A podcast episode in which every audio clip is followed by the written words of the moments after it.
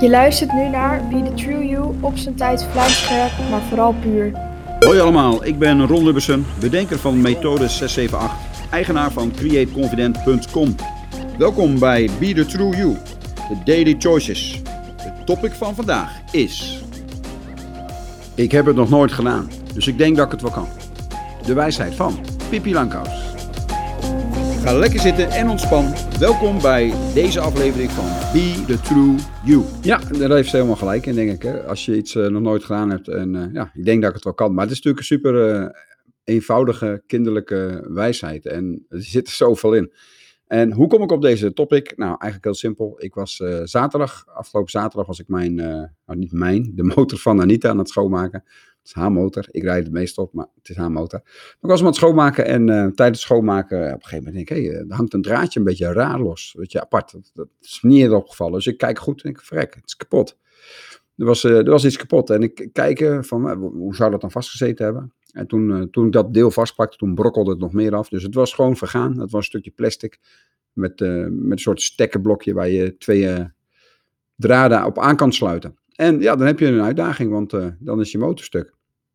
En het was natuurlijk niet gelijk heel ernstig, maar uh, ja, dat is toch een onderdeelstuk. En ik had het vermoeden dat het uh, het remlicht was. Dus op het moment dat jij met je hand de remhendel inknijpt, dat dan het remlicht gaat branden, zodat degene die achter jou rijdt ziet dat je gaat remmen. Dus ja, dat was nog wel een belangrijk onderdeel ook. Dus, en uh, ja, hoe ga je dat dan fixen? Dus ik had al, het eerste wat door mijn hoofd schoot was, ah nee, moet je ding wegbrengen naar de, naar de winkel en noem maar op, naar zo'n bedrijf. Maar ik dacht ook tegelijkertijd, eh, direct de volgende gedachte was, ja, hoezo? Dat kan je zelf toch wel.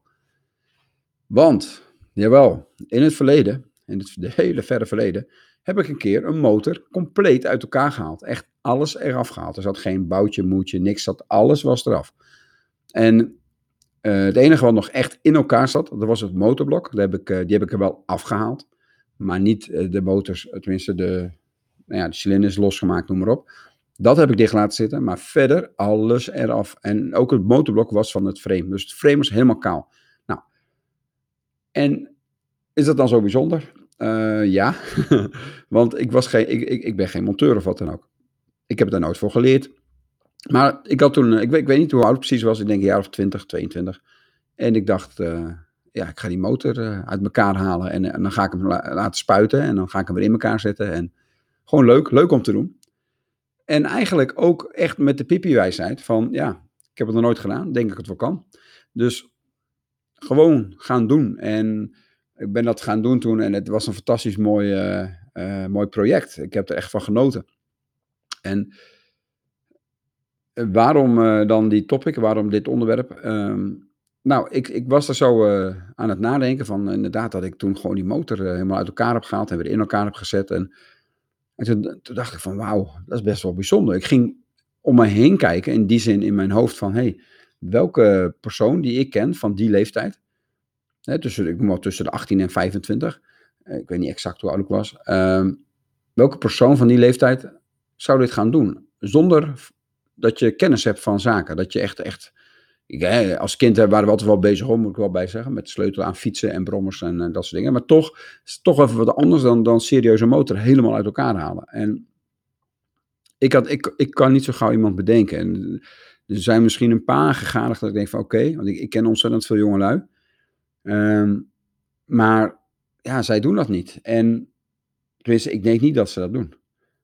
En dat is natuurlijk ook uh, resultaat van hoe wij uh, nou ja, mijn generatie, die nu dus zelf ook kinderen hebben, uh, hoe, wij denk ik met dingen omgaan. En dat is vooral, uh, nou ja, als iets kapot is, wordt het vaak weggegooid. Of als iets kapot is wat gerepareerd moet worden, laten we het repareren. Uh, als iets kapot is wat, ehm, nou ja, wat je misschien zelf wel zou kunnen, maar dan gaat er meer tijd in zitten dan dat je iemand inhuurt. En, en dan, is, dat is ook een redenatie voor mensen om het niet te doen. Hoe dan ook, wij geven niet echt meer een voorbeeld, heel veel mensen, niet iedereen natuurlijk, maar heel veel mensen, van repareren. En als je kijkt naar de kringloopwinkels, die mensen die schrikken van wat, wat er wordt weggegooid eigenlijk, uh, in plaats van nog gerepareerd wordt. En wij leven natuurlijk wat dat betreft behoorlijk in een weggooien maatschappij. wegwerpmaatschappij. Ik weet niet wat woord daarvoor is bedacht. En het gaat mij niet eens daarom. Maar wat, wat het, het nadeel is van, van als je zo erop kijkt, is dat mensen niet meer leren om creatief te denken en eh, in oplossingen te denken. En in dit geval met zo'n motor, ja, er zullen dus nog wel meer mensen zijn die dit zouden vervangen. Maar het gaat mij niet zozeer om, om, om dit kleine onderdeeltje. Het gaat mij meer om het grote geheel natuurlijk. De daily choice van, hey, welke keuze maak jij zonder echt bewuste keuze te maken als iets stuk gaat, als iets kapot gaat. Maak je dan de keuze van, nou ja, ik koop een nieuwe of uh, ik laat het repareren. Of ga je zelf aan het vogelen om te kijken van, hey, kan ik het zelf ook doen? En eerlijk is eerlijk, ik, uh, het, het, ik zag die draadjes hangen en ik denk, oh jee, dit gaat geld kosten. Zonde. En toen keek ik nog eens goed en denk, ja, waar zou die draadjes gezeten hebben? Oh, dat zullen wel daar. Oh, dat zou het remlicht kunnen zijn. En toen ging ik met mijn hand, ik, en toen brokkelde er nog wat dingetjes af. Oh, dan moet hij daar gezeten hebben. Maar ik weet, het is zo lang geleden dat ik dat toen gedaan heb.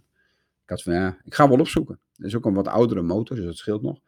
Dus ik uh, YouTube en Google en uh, gewoon zoeken. En uh, ja, dan kom je al vrij snel erachter van, oké, wat zou het kunnen zijn? Nou, remlicht, voorhendel. Dus ik, of rechterhendel.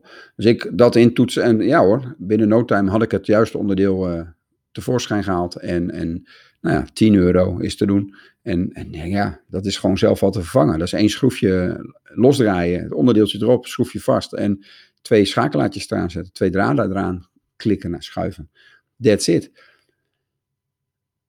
Maar als ik dat niet had gedaan, dat Google even en YouTube, dan was ik waarschijnlijk met die motor naar de, naar een, naar een motorspeciaalzaak gegaan. En dan ja, was het een reparatietje. En dan, nou ja, dan ben je sowieso meer geld kwijt. Maar het was niet nodig geweest. En het gaat mij niet zozeer om het geld, het gaat mij om het idee erachter van oplossing, oplossingsgericht denken, in plaats van het aan een ander direct uit te besteden. Afijn, we, dus ik, had het, ik zat er zo over na te denken, goh, dat is wel een leuke podcast. En toen had ik het over met Anita, mijn vrouw, van, maar ja, dat ik toen die motor uit elkaar heb gehaald, is dat dan zo bijzonder? Ben ik dan zo bijzonder? Of, of wat is dat? En toen gingen we, dus hadden we het zo over, ja, ik heb best wel veel projecten aangepakt eigenlijk. Ik heb ook uh, bijvoorbeeld, uh, toen onze oudste, toen Anita zwanger was van onze oudste, toen heb ik ook een ledikant gemaakt en een uh, bed, dat is een bed, commode en een kast. Dus drie, drie dingen die je ook wel vaak in, drie, in een set van drie kocht destijds. En ook, ja, ik heb het nooit gedaan, maar ja, ik zal het wel kunnen. Tenminste, dus ik zal het wel kunnen. En zo heb ik ook bij ons de bovenverdieping. Toen wij daar gingen wonen, hebben we de hele bovenverdieping eruit gehaald was allemaal best wel oud en zo, het huis. Toen hebben we een hele nieuwe bovenverdieping, de, de wanden geplaatst. En met de kozijn heb ik wel wat hulp gehad, maar verder niet eigenlijk. En als ik het niet zeker wist, ja, dan ging ik het even informeren bij iemand die het wel weet. Dus ja, eh, en zo kan je nog even doorgaan. Een speedboot. We hadden met vrienden een speedboot gekocht, waren we 16. En uh, nou ja, we begonnen met een groep van 10 of zo. En uiteindelijk werd het er drie. En uiteindelijk was ik de enige die over was. En ik heb toen die hele speedboot gespoten. En, en, en ja, had ik nog nooit gedaan. Maar ja, ik zal het wel kunnen. Uh, bekleding. Echt opnieuw bekleding gemaakt aan de binnenkant van die speedboot. Nog nooit gedaan, maar gewoon doen. En ja, is dat dan een, dus een skill? Is dat, is dat, wat is dat dan? Is dat dan de mindset? Of ben ik gewoon zo iemand die gast die, die, die kijkt naar iets en die kan het? Nou, dat zeker niet. Um, maar die mindset wel ik, ik, ik heb heel snel van, oké, dit wil ik, hier wil ik meer van weten. En dan ga ik het opzoeken en dan ga ik het mezelf leren. En ben ik dan zo heel erg handig? Nee, dat denk ik niet eens. Maar ik heb wel heel veel geduld. En geduld en de mindset. Ik heb het nog nooit gedaan, dus ik zal het wel kunnen. Dat is denk ik de, de sleutel. En dat gun ik zoveel mensen. Ik gun zoveel mensen. Want het punt is, ik, als ik en ik wil geen oordeel geven naar jongelui die, die iets niet kunnen of zo. Maar die kunnen andere dingen weer veel beter dan wat wij destijds niet konden. Of niet zo goed. En, ehm, maar maar wat, ik, wat ik ze zo gun is, als je op deze manier bezig bent, dat je dan veel, ook in de grote dingen, wat we straks wel uh, in de confident choices uh, gaan uh, tegenkomen, maar dat je dus veel meer nou ja, geduld hebt. En maar ook dat je jezelf ontwikkelt, dat je zelf ehm, dat je een skill creëert bij jezelf. En dat is de skill van even een stapje terug doen. En bekijk de situatie eens even vanuit de andere hoek. is er een oplossing te bedenken? Kan ik hier zelf een oplossing voor bedenken? En dat mis ik nog wel eens bij jonge gasten, die gelijk zeggen, ja, het stuk, het werkt niet. Of uh, ja, uh, het gaat niet zoals we hadden gezegd, dus uh, het, kan niet doorgaan. Of, dus dat oplossingsgericht denken, dat mis ik dan nog wel eens. En dan denk ik, ja, waar ligt dat dan aan? En dat ligt denk ik gewoon aan ons eigen voorbeeld. Dat we het te weinig voor, als een voorbeeld laten zien, dat je heel vaak dingen wel kunt repareren. Nou, um, ik denk dat het punt duidelijk is. De Daily Choices. Wauw, je hebt net geluisterd naar de Daily Choices. Waar je nu naar gaat luisteren zijn de Confident Choices. Gecreëerd vanuit de methode 678 om te kiezen als de True You. Zoals we leren in de online academie van de Create Confident cursussen. Dus, als jij nog geen account hebt, wat denk je zelf? Meld je dan nu aan, zodat je nog veel meer waarde uit deze aflevering haalt. Meld je nu aan bij createconfident.com en je hebt direct toegang tot de online academie. Vader, moeder, dochter of zoon, wie de true zijn, wordt dan heel gewoon. Zo, met of zonder account. We gaan door naar de volgende sectie, bekend als Confident Choices. Ik heb het nog nooit gedaan, dus ik denk dat ik het voor kan. Super mooi van Pippi. Super, super mooi. Echt fantastisch. Welkom in de Confident Choices, de, het tweede deel van de podcast. En in, deze, in dit deel ga ik natuurlijk oké, hoe kun je vanuit methode 678 met deze wijsheid omgaan, met deze stelling, met, met, met deze, nou ja, bijna universeel principe. Want hoe dan ook, ik denk dit, dat dit voor iedereen kan gelden. En ja, dat heeft te maken met confident zijn. Als je confident bent om, om, om jezelf tijd te geven hoe je met een uh, probleem omgaat, dan, uh, dan, dan win je natuurlijk uh, door iets te wachten. In, in werkelijke tijd win je heel veel tijd, omdat je de kans op een betere oplossing is veel groter. Als ik dat vergelijk in mijn, in mijn uh, ik word aangevallen door iemand. Als ik reactief reageer, ik zie dat er een aanval komt en ik ga gelijk al naar voren, dan heb je een kans dat je dus de het verkeerde antwoord geeft. Dat je verkeerd reageert op wat er op je afkomt. Als je het geduld hebt om te wachten wat er op je afkomt, kan je veel gerichtere, een gerichtere, ge, ge, meer gericht uh, antwoord geven. Dus veel meer van, oké, jij komt via links, ik ga via rechts. Of, nou ja, uh, een simpel voorbeeld. Maar dat je dus, als je durft te wachten op de vraag, dan kan je ook veel beter een antwoord geven. Heel simpel met kinderen, als je kijkt in, in een klas, uh, enthousiaste kinderen, die horen halve vraag. En die, voordat de vraag helemaal klaar is, steken ze de hand om op, al op om een antwoord te geven. Het is natuurlijk superleuk dat ze zo enthousiast zijn. Maar het is wel een risico, want je neemt wel risico dat je, uh, ja, je ziet het ook wel met, met, met programma's natuurlijk. Hè. Uh, quiz op, op televisie eerder vooral. Nu is wat minder, denk ik. Maar, oh ja, ik, kijk wat minder, dat zal het zijn. Maar dan had je wel was een soort wedstrijdje, een spel. En wie het eerst het antwoord gaf. Ja, en als je dan risico neemt door te vroeg op de knop te drukken, dan heb je kans dat je verkeerd hebt ingevuld wat de vraag gaat worden. Want de praat, de, degene die de vraag stelt, die praat ergens naartoe. Dan denk je, oh, ik weet waar hij over, wat hij gaat vragen. Pam, je drukt op de antwoordknop en je, ja, je geeft je antwoord. Terwijl je niet weet wat de vraag is. Nou, dat is nou typisch zoiets van, oké, als jij confident bent, wacht je nog iets langer. Wacht je nog iets langer. Totdat je zeker weet wat, het, wat de vraag is en bam, dan geef je je antwoord. En ik weet dat dat natuurlijk een beetje dubbel klinkt, want soms is, kan het ook heel confident zijn om om juist eerder op zo'n knop te drukken. Misschien is het ook niet helemaal het goede voorbeeld.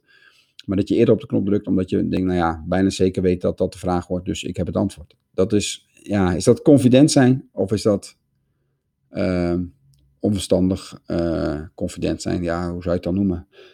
Hoogmoed. Um, want dan, dan ga je ervan uit dat iemand een bepaalde kant op gaat met, met zijn vraag. Nou, terug naar het uh, verhaal van de motor. Uh, het onderdeeltje wat stuk was. Uh, als ik heel dicht op die draden was blijven zitten, dus dat ik echt alleen maar naar die draden ging kijken van, hey, het zijn twee draden, hangen hier los, hoe kan dat nou? En dan had ik het probleem niet op kunnen lossen. Maar doordat ik dan even iets naar achteren ga en kijk van, wacht even, die draden, waar zouden die naartoe kunnen gaan? Oh, wacht eens even, dat zou wel eens daar naartoe. En inderdaad, bij het stuur, bij de hendel van de rem, daar zit een schakel aan. Die ging toen ook nog brokkelen toen ik hem pakte. Dus ik denk, ah, dit is stuk. Dus, dus 1, 1 plus 1 is 2. Dus dat is vrij duidelijk dat daar dan het probleem zit. En dat is natuurlijk wel heel interessant. Dat je uh, door, door even afstand te nemen, dat je meer overzicht krijgt. En ja, dus ook meer vertrouwen krijgt in, in, de, in de eventuele oplossing. Um, deze topic is natuurlijk. Ja, het kan niet zijn wat je, wat je eh, van, je, van nature hebt. Hè? Maar ik denk ook dat je het kunt aanleren. Ik denk zeker dat je het kunt aanleren. Dat je met al dit soort voorbeelden die ik bij mezelf kan bedenken, met dingen doen, die projecten aangaan, eh, noem maar op. Het zijn allemaal dingen die, ja, die ik gewoon gedaan heb, omdat ik met de Pippi-wijsheid, ik heb het nog nooit gedaan, denk ik dat het wel kan. Ehm, en als ik het niet kan, dan zoek ik het op. Dat is dus ook weer confident zijn. Dat je dus, ik vind het veel confidenter als je zo'n uitdaging aangaat en dan hulp gaat zoeken, hulp gaat vragen waar nodig is. En direct bij het begin al zeggen: Oké, ik ga naar de expert, die expert, persoon die expert is op dit gebied.